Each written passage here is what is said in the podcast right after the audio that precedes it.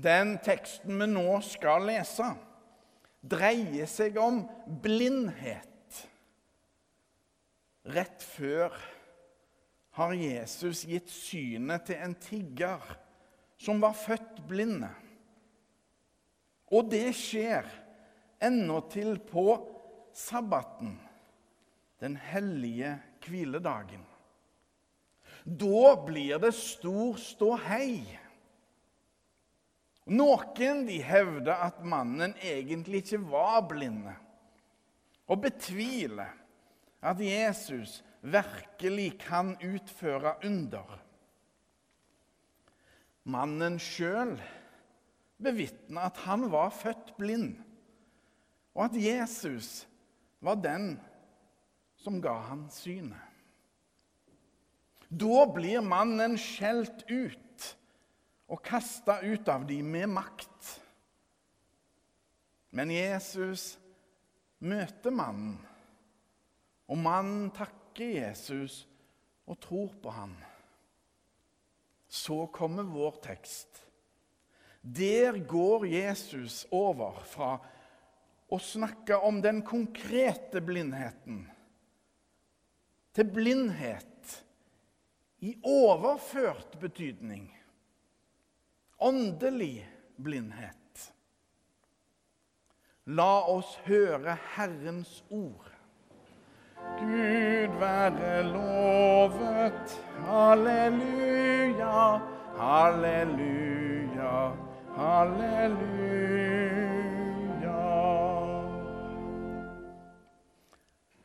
Det står skrevet i evangeliet etter Johannes. Jesus sa, 'Til dom er jeg kommet til denne verden.' Så de som ikke ser, skal bli seende. Og de som ser, skal bli blinde. Noen av fariseerne som sto der, hørte dette og sa til ham, 'Kanskje vi også er blinde?' Jesus svarte, 'Var dere blinde? Hadde dere ingen synd?' Men nå sier dere, 'Vi ser.' Derfor blir deres synd stående. Slik lyder det hellige evangelium. Gud være lovet. Halleluja, halleluja, halleluja.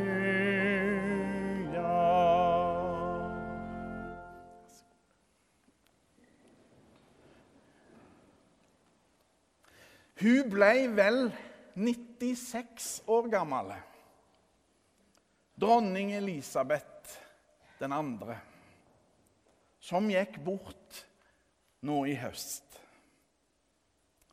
I den nyeste sesongen av The Crown sier dronninga til sin mann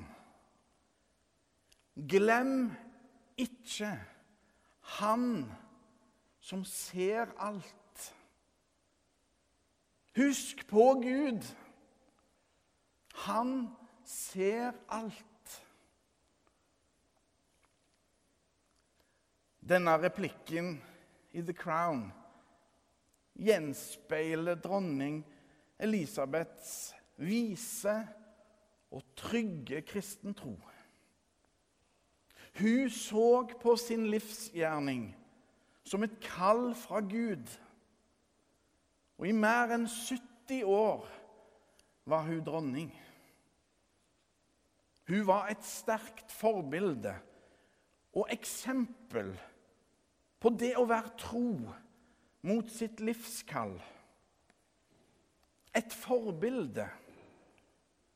Ikke fordi at hun var perfekte eller aldri gjorde feil, men rett og slett fordi hun, ble, hun forblei trofast på sin post og trygge i sin tro på Gud og Jesus. Kanskje vi også er blinde. Det er som om det slår gnister i Jesu oppgjør med fariseerne.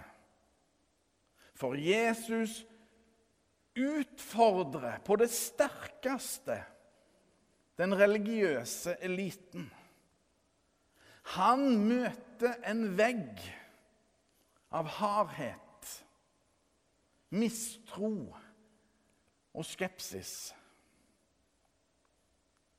Men Jesus er desto mer tydelige tilbake oss.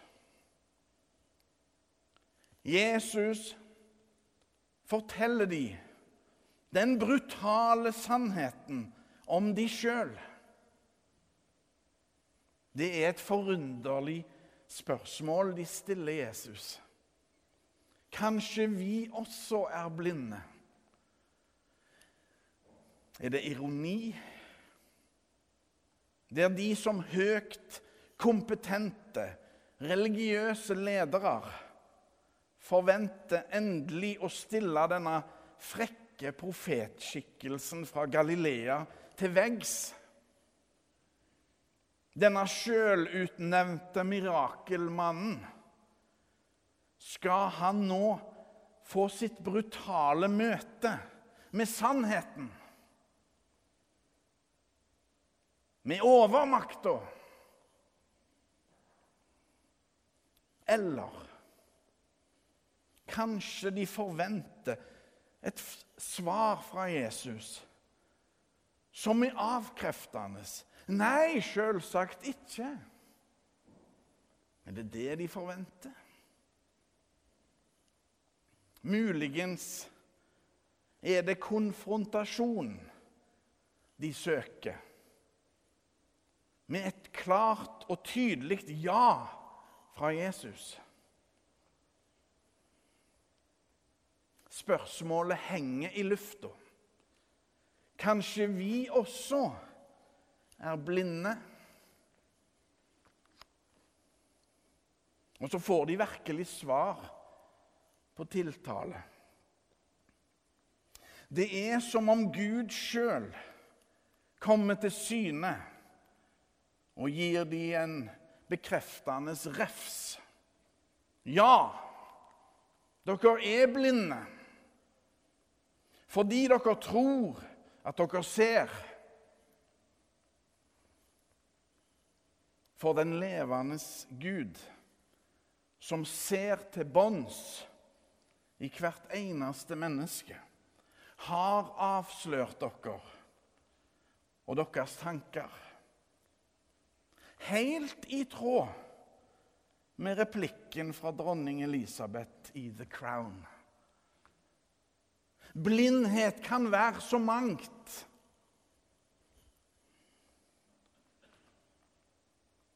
Det er Jesu nådeløshet vi blir vitne til. Jesu nådeløshet overfor uretten. Uretten i det at mennesker blir utnytta og tråkka på av de mektige og rike. Når noen få mener seg å ha rett til å se ned på andre mennesker, sine medmennesker. Når noen fører krig, og talløse små kun blir anonyme tall i rekka. Når noen mener at de har Gud på si side til å drepe de som er annerledes enn seg sjøl. Når noen satser alt på sin egen rettferdighet og tror de kan gjøre hva som helst av forbrytelser og grusomheter. Når falskheten og løgnen blir dyrka for å skjule sannheten. Når synd blir forsøkt omdefinert til rett. Når blindheten blir erklært til å være klarsyn. Da er Jesus nådeløse. Da blir synder stående. Men overfor de små og svake, overfor de som er ramma av uretten, f.eks. den blindfødte i teksten, da er Jesus den milde og nådige. Jesus viser oss at Gud tar parti med den svake part. Gud er på offerets side. Gud er på lag med de som rammes. Det er livsfarlig å ta Gud som en selvfølge. Det er farlig å regne seg sjøl som seende, mens en egentlig er blind. Blindhet kan være så mangt. Det er livsfarlig ikke å være ærlige med Gud og seg sjøl. Da er en på fortapelsens vei fordi at en tror at en kan lure vår Herre på samme vis som en lurer seg sjøl. Egentlig ganske idiotisk.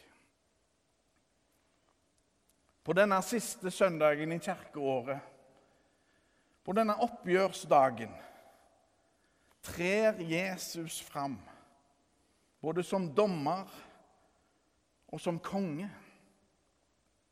Og i lys av teksten skal vi minne hverandre på dette. At det farligste av alt er ikke å bli blinde på øynene, men i hjertet. Blindhet kan være så mangt. Det finnes mennesker som har et perfekt syn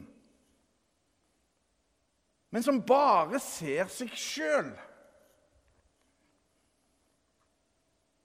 Egoismen har en tendens til å lure oss, slik at vi blir innkrøkt i oss selv, som Luther så tydelig sa det. Og dermed mister alle andre av syne. Blindhet kan være så mangt. Troens øye. Den som vi synger om i deg være ære, i siste verset. Troens øye ser det. Det øya som gjør Det øya der, det gjør at vi ser det som ikke alle andre ser. Som gjør at vi må tro for å se. Da ser vi det ikke alle andre ser. Troens øye ser det underfulle lyset fra oven, fra Gud.